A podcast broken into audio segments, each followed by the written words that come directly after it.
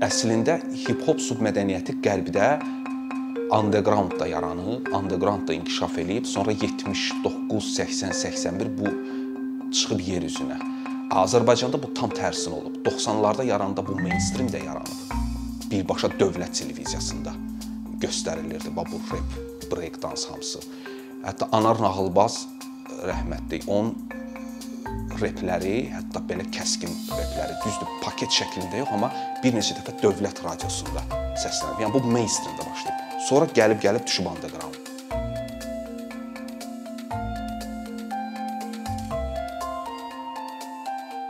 Biz əslində submədəniyyət fenomeninin tam təsadüfən yarandığını söyləyə bilərik, amma təsadüf deyəndə burada qəfil kimisə rastına nə isə çıxmaq, yaxud da tapıntı nəzərdə tutulmur. Söhbət nədən gedir? 1920-ci illərdə Chicago Universitetinin sosioloqları tədqiqatlara başladılar. Həmin tədqiqatlar əhatə edirdi e, kriminal dəstələri, yeniyetmə cinayətkar qrupları, yeniyetmə xuliqan dəstələri və onlar tamamilə başqa bir məsələni müəyyən etmək istəyirdilər. Tamam başqa bir mövzu üzrə suallara cavab tapmaq istəyirdilər və bu tədqiqatlar getdikcə onun əsnasında müəyyən elədilər ki, və sən demə bu azlıqlardan ibarət kiçik sosial qrupların içində özünə məxsus mini mədəni elementlər formalaşır və bu mədəni elementlər hansı ki bu qruplara xas olur. O cəmiyyətdəki dominant mədəniyyət yaxud çoxluğun mədəniyyətinə alternativ olur. Və bunlar kompleks şəkildə bir xüsusi belə spesifik bir fenomen əmələ gətirir. Yəni bunu bu cəhətdən deyirəm ki, yəni belə təsadüf yəni tap aşkar etdilər. Yəni məqsəd bu deyildi. O zaman sual yaranır. Bəs onda Chicago məktəbi hansı məsələni araşdırmaq istəyirdi, hansı suallara cavab tapmaq istəyirdi? Bu sual cavab üçün həmin hadisədən təxminən yarım əsr, bir 50-60 il əvvələ qayıtmalı olacağıq. 19-cu əsrin son 10 illiklərinə. Deməli, Yahudi əsilli İtalyan psixiatr Cesare Lombroso bu insanın cinayətkarlığa necə meyl etməsi barədə fikirləri mövcud idi. Onun çoxdur fikirləri. Mən əsas submədəniyyətə köklənirəm. Lombroso həm də banisidir kriminal antropologiyanın. Kriminal antropologiya nəyi öyrənir? İnsanın antropologiyası, fiziologiyası ilə onun cinayətə meylli olması arasında əlaqə. Və Lombroso iddia edirdi ki, bu əlaqə həqiqətən mövcuddur və o insanın cinayətə meylli olmasını sırf şəkildə onun bioloji xassiyyət, e, xüsusiyyəti ilə əlaqələndirirdi. Yəni o deyirdi ki, əgər uşaq dünyaya gəlibsə, biz onun antropologiyasından, yəni bədən ölçüsü, üz quruluşu, baş konfiqurasiyası biz müəyyən edə bilərik ki, bu cinayətkar ola biləcək ya yox. Yəni bu sırf şəkildə antropologiyaya aiddir. Lambrozun təbirincə desək, insan cinayətkara çevrilmir, cinayətkar olmur, cinayətkar doğulur. Və Chicago məktəbi də bunu kökündən yanlış hesab eləyirdi. Ona görə də bunlar bu tədqiqatları başladılar ki, yəni bunun əksini e, ortaya qoysunlar. Yəni onlar düşünürlər ki, bu tərbiyədən asılı ola bilər, sosial səbəbdən, iqtisadi səbəbdən, ətraf mühitdən. Yəni bu səbəb bu idi. Ona görə 20-ci illərdə onlar bu tədqiqatlara başladılar. Amma əslində Lambrozonun fikirlərinin əleyhinə gedən e, mütəxəssislər olmuşdu. Amma bunların hamısı e, Avropa qitəsində e, yaşayırdılar. Amerikada bu baş vermirdi. Yəni deyək ki, Amerika öz payına Lambrozon bu fikirlərini yanlış olduğu üçün tədqiqatlara başladı.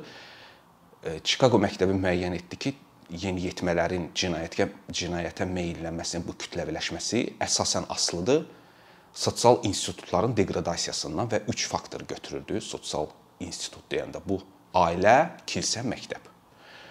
Bu belə. İndi keçək submədəniyyət. Yəni bu aşkar olunduqdan sonra nə baş verdi? Bütövlükdə 20 və 30-cu illərdə bunu e, daha da təkmilləşdirməyə, bunun üzərində işləməyə başladılar. Amma submədəniyyət fenomeni ayrıca bir mövzu kimi e, heç vaxt üzərində işlənilmirdi. Bu proses oldu ancaq 2-ci Dünya müharibəsindən sonra 40-ların sonu, 50-lərin əvvəli və 40-cı illərin sonunda Milton Gordon adlı bir sosioloq buna tərif verdi. Daha sonra Dick Hebdige, David Reisman e, və digər mütəxəssislər artıq bunu ayrıca bir sahə kimi götürüb, bunu ayrıca araşdırmağa başladılar Və bu cəhətdən biz bu 40-cı illərin sonu, 50-ci illərin əvvəllərini bir orta xətt kimi götürə bilərik. Yəni necə miladi tarix var, miladdan əvvəl, miladdan sonra bu submədəniyyət, submədəniyyət fenomeninin də bax bu araşdırılması, tədqiqat obyekti olmasının orta xəttini bax bu 50-ci illərin əvvəlləri, 40-ların sonu bax bu dövrü götürürük. Və bu səbəb nə idi ki, bu mütəxəssislər bunu artıq ayrıca sahə götürdülər və bunun üzərində daha geniş tədqiqatlar aparılmağa başladı. Məsələ ondan ondadır ki, 50-ci illərin əvvəllərindən başlayaraq çox dinamik və sürətli şəkildə yüksək templə submədəniyyətlər yaranmağa başladı, bir-birinə təsir göstərməyə, bir-birlərini şəklini dəyişməyə e, vasitəçi oldular, transformasiyaya uğradılar. Bu inkişaf çox böyük sürətlə gedirdi. 2-ci Dünya müharibəsindən əvvəl isə bu yox idi. Yəni qısa şəkildə bunun belə şəcərəsini deyim bir hissəsi. Deməli 50-ci illərin əvvəllərində Böyük Britaniyada Teddy yaxud Teddy boy adlandırdığımız submədəniyyət formalaşdı. Elə həmin vaxtda da ştatlarda Greaser submədəniyyəti var idi. Teddy boylar heç 10 il keçməmiş mod adlanan başqa bir submədəniyyətə transformasiya oldular modlar mövcud olandan bir müddət sonra Yamaykadan gələn mühacirlər özləri ilə Rudboy adlanan bir submədəniyyət gətirdilər və bu modlar Rudboylarla qarışaraq yeni artıq əks mədəniyyəti yaratdı, yaranmasına zəmin yaratdılar skinheadlər. Amma 60-cı illərdə skinheadlər təzə yarananda onlar tam fərqli idi. Onlarda şovinizm, milliyyətçi, radikallıq yox idi. Hətta onların o skinhead qruplarının içində qara dərili də, ağ dərili də görə bilərdik, bir-biri ilə həmrəy idilər. Onlar sadəcə olaraq belə deyə bilərik də sol yönümlü bir azlıq qrupu idi və burjua dəyərlərinə qarşı etiraz edirdilər. Eyni vaxtda submədəniyyətin spesifik növü, mən onu adlandırıram modal növü submədəniyyətin. Əks mədəniyyət, kontrkultur yarandı hippilər, panklar, panklardan sonra bir müddət sonra got adlanan submədəniyyət törəndi. Artıq şaxələnmə gedirdi. Sonra got və pankların ümumi xüsusiyyətini daşıyan və bu ikisindən törəyən emo submədəniyyəti yarandı 90-ların əvvəli. 90-ların sonu emolardan sinkid yarandı. Yəni bunu qısa şəkildə deyirəm ki, bu proses 50-lərdən başladı və günümüzə qədər bu cür belə sürətlə şaxələndi, həm inkişaf elədi, həm transformasiyalara uğradı. Və bu inkişaf olduğu üçün 40-ların sonu 50-lərin əvvəlində artıq bunu ayrıca bir mövzu götürüb kimi götürüb tədqiq edirdilər. Hansı ki müharibədən əvvəl bu mövcud deyildi. Və belə onda sual yarana bilər ki, bəs o zaman 2-ci dünya müharibəsindən əvvəlki 10 illiklərdə yəni heçmi submədəniyyət yox idi? Hə, təbii ki, var idi. Bəs var idisə onda niyə başlanğıcı biz oradan götürmürük, 50-ci illərin əvvəllərindən götürürük? Və yaxud bir, bir birini qoyub o birisini keçirəm yəni yeniyetmə gənclər həmişə olub da. Heç 2-ci dünya müharibəsindən əvvəlki 10 illiklərdə yeniyetmələr araşdırılmırdımı? Təbii ki, araşdırılırdı. E, yəni indi bunu izah verim ki, niyə görə bu 2-ci dünya müharibəsindən əvvəl yeniyetmələr araşdırılsa da, submədəniyyət növləri olsa da biz başlanğıc mərhələni oradan götürmürük. E, yeniyetmələrin əslində e, xüsusiyyətlərinin araşdırılması və xüsusilə də onlar azlıq qrupu kimi, bir sosial qrup kimi formalaş, formalaşan qruplarının araşdırılması o da 19-cu əsrdən başlanır. Amma bu zamanda mütəxəssislər yenə cinayətkar qruplara üstünlük verdilər. Mən bu izahını sonra verəcəm. E, məsələn, Böyük Britaniyada Alexander Divine adlı bir pedaqoq var idi. O Manchesterdə tədqiqatlar aparırdı. Manchesterdə demək xuliqan dəstələrə skatler deyirdilər. Bax bu skatlerləri tədqiq eləyirdi. Onların belə deyək, davranış əxlaq kodeksləri, davranış normaları, məsəl üçün onların düşüncə tərzi, həyat tərzi araşdırırdı. Yaxud başqa nümunə deyə bilərəm, ştatlarda 1904-cü ildə Granville Stanley Hall Adolescence adlı 2 cildli bir kitab yazdı. O başdan ayağa yeniyetmə və gənclərə tədqiqinə həsr olunmuşdu. Sonralar adolescence özü ingiliscədən tərcümədə elə gənc deməkdir, young gənc Bu artıq sonra termin kimi hətta daxil oldu. Yəni bu araşdırmalar olub. Sonra Chicago məktəbinə ərəfəsində də olub. Chicago məktəbi özü də tədqiqatlar aparıb. Amma bu əhatə edib yalnız bu cinayətkar qrupları. Bu niyə görə belə olub? Biz qərb tədqiqatçılarının ümumilikdə submədəniyyət fenomeninin yaranma səbəbləri haqqında tanış olsaq onların fikirləri ilə birmənalı olaraq belə bir e, fikir görə biləcəyik ki, submədəniyyət fenomeni o zaman yaranır ki, bir cəmiyyətdə e, yəni mədəni cəhətdən bolluq, doluğun bir dövr olsun. Rusca dillər kulturla nasışını istridə. Yəni bu nə deməkdir? E, ideoloji cərəyanların müxtəlifliyi yaranır. Sənət nümunələri yaranır, mədəni istiqamətlər, növləri ərsəyə gəlir və bunlar o qədər çox olur ki, bu təsir eləyir yeniyetmələrin hansısa bir e, mədəni istiqamətə yönəlməsinə. 60-cı illər xüsusilə bax burada bu bum baş vermişdi mədəni inqilab. Baxaq burada nələr oldu. Rock musiqisi sürətlə bütün dünyaya yayıldı. Feminizm hərəkatı təşəkkül tapdı. Seksual inqilab, e, daha sonra rastafarilik ərsəyə gəldi. Ancaq 60-cı illərdə məsələn bu əks mədəniyyətin kökündə protest dururdu. Bu protestə təsir eləyən amillər vardı. Məsələn, antiqlobalistlər yaranmışdı. Bunlar özü etiraz idi. Feministlər özü etirazçı idi. Seksual inqilab etiraz idi. Yəni bu o qədər bu mədəni bolluq oldu. Bu bolluqdan bu submədəniyyətlərin həm spesifik növ, spesifik növləri yaranırdı, həm də bu çeşidlər çox olurdu. Amma 2-ci dünya müharibəsindən əvvəl bu cəhətdən tam durğunluq idi, yox idi. Vardı dominant mədəniyyət, yeniyetmələrin çoxu bu dominant mədəniyyətə aid idilər. Bundan fərqlənən azlıq qrupları yalnız cinayətkarlar idi. Ona görə də fərqli yeniyetmələri araşdırmaq istəyən ancaq bu cinayətkarlara gedib ə, e, ilişirdilər, onu araşdırırdılar da belə lor dildə deyim. Və 2-ci dünya müharib e, müharibəsindən əvvəl və 2-ci dünya müharibəsi zamanı da submədəniyyət var idi. Məsələn, hipsterlər var idi e, ABŞ-da. Hipsterlər caz fanatları idilər. Bunların geyim qaydasından tutmuş davranış, manyera, bunların öz slengləri, öz danışıq tövrü başdan ayağa submədəniyyət idi. Bunu biz müqayisə edə bilərik Azərbaycanda meyxana submədəniyyətində xiridarlarla. Məsələn, xiridarlar meyxananın incəliyini, hətta meyxanaçıların bəlkə özlərindən də yaxşı bilir. Ancaq bunlar sadəcə olaraq belə azarkeşdir. Dinləyici yox, azarkeş. Çünki meyxanada bir yarışmadır və ona azarkeş olur. Və eyni, eyni ilə də hipsterlər bu, bu cür. Onlar daha çox həmin dövrdə populyar olan cazın bebop janrının fanatları idilər. Onların yığıldığı öz məkanları olurdu. Amma bu yenə izah e, bir daha təkrar edeyim. Bax bu mədəni cəhətdən dolğunluğa görə biz orta xətti götürürük bu 50-ci illərdən sonra.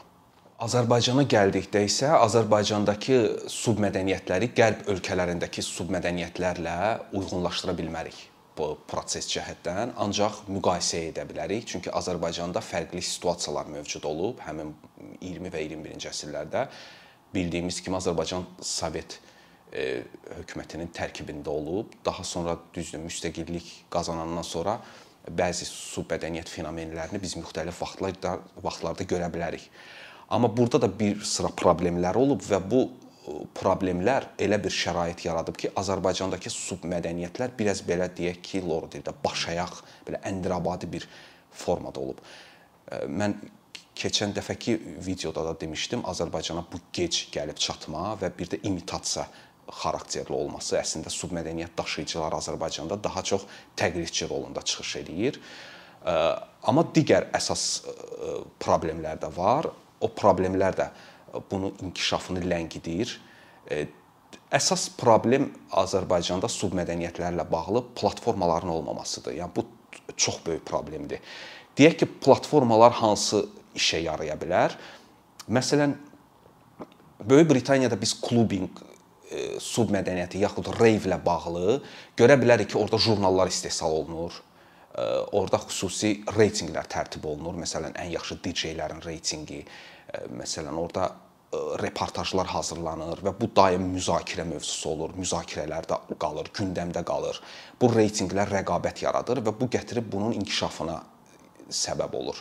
Azərbaycanda bu cür platforma yoxdur. Yaxud Azərbaycanda deyək ki, bikerlər var, biker submədəniyyəti mövcuddur, özü çox ciddi şəkildə. Məsələn, orada xüsusi meydançaların olmamağı, yaxud xüsusi yolların olmamağı e, bunu ləngidir və baykerlər bir neçə dəfə Gürcüstana gediblər e, bunun üçün, yəni xüsusi o cross keçmək üçün, məşq eləmək üçün.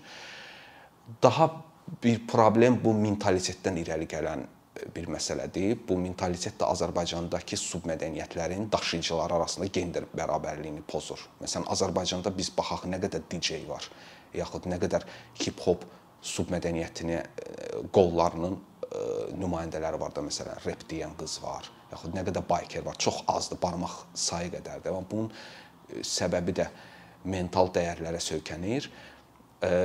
Azərbaycanda bunun belə tərsə məssəb olması e, bir neçə dəfə e, bir neçə dəfə özünü biruzə verib. Deyək ki, əslində hip-hop submədəniyyəti qərbdə undergroundda yaranıb, undergroundda inkişaf eləyib, sonra 79, 80, 81 bu çıxıb yer üzünə, yəni mainstreamə çıxıb. Bu Curtis Blow məsəl üçün Mercury şirkəti ilə müqavilə bağlaması, əfsanəvi Sugar Gang qrupunun ifası, sonra Run DMC və s. Azərbaycanda bu tam tərsinə olub. 90-larda yarananda bu mainstream də yaranıb. Birbaşa dövlət televiziyasında göstərilirdi bu rep, break dance hamısı. Hətta Anar Nağılbaz rəhmətli onun repləri, hətta belə kəskin repləri, düzdür, paket şəklində yox, amma bir neçə dəfə dövlət radiosunda səslənib. Yəni bu mainstreamdə başlayıb. Sonra gəlib-gəlib düşüb underground-da. Bu belə bir ənrəvadi bir haldır. Underground deyəndə bu əslində underground da deyil. Underground tamam biraz belə bir fərqli şeydir, təəssüf eləyirəm. Bu başqa mövzudur. Yəni buna bir ayrıca vaxt lazımdır danışmağa underground mədəniyyət üçün. Və təəssüf ki, Azərbaycanda bir çox hallarda düzgün başa düşülmür. Yəni deyək ki, kimisə fəaliyyətinə baxırıq, qəti underground-a aidiyyatı yoxdur. Bu sadəcə deyir mən kütləvi informasiya vasitələrinə çıxmıram, deməli mən underground-dayam. Amma halbuki onunla deyil. Fəaliyyət underground-da olmalıdır yaxud deyək ki, kimsə həqiqi underground təmsilçisidirsə, o kütləvi informasiya vasitələrinə çıxa bilər. O demək deyil o underground deyil. Məsələn, bu qalsın belə. Və bir də bir bir maraqlı, bir əyləncəli cəhət var. Çox gülməlidir. Mən də özüm hərdən baxıb gülürəm. Məsələn, Azərbaycanda müəyyən ictimai siyasi təşkilatlar var. Bunlar funksiyası məsələn bəyanət verməkdir, ictimai prosesi müzakirə etməkdir, aksiya etməkdir. Yəni ictimai və siyasi də adından göründüyü kimi. Amma biz bəzi hallarda görürük ki, bunlar o rakursdan çıxırlar və bunlarda submədəniləşmə prosesi baş verir də. Deyək ki, bunların hamısının bir geyim qaydası formalaşır. Bunların hamısının bir belə ritorika formalaşır. Məsələn, e, qeyd edeyim, mən də rastıma çıxır xüsusilə sosial şəbəkələrdə və belə gülürəm biraz. Nəsə bir tənqid yazırsan, görürsən tökülüşlər bir müddət sonra yazırlar, eyni yazıdır. Yəni bir belə deyək bir dil kodeksi formalaşıb. Yaxud kənardan görürsən 5-6 nəfər toplaşanda görürsən ki, bunların davranış kodeksi eynidir. Yəni bu xüsusiyyətlərinə görə bu həmin o ictimai siyasi hərəkatlarda, təşkilatlarda da bəzən e, submədəniləşmə belə prosesinin getdiyini görə bilərik. Bunun özü də əslində normaya uyğun deyil. Amma bütün bunlara baxmayaraq Azərbaycanda e, Sovet dövründən üzü bu yana həmişə submədəniyyət submədəniyyətlər olub və nə qədər ki qərbdə bu proses gedir, onun kör-körənə də olsa, təqlidçi rolunda da olsa, bu Azərbaycanda həmişə mövcud olacaq. Müzik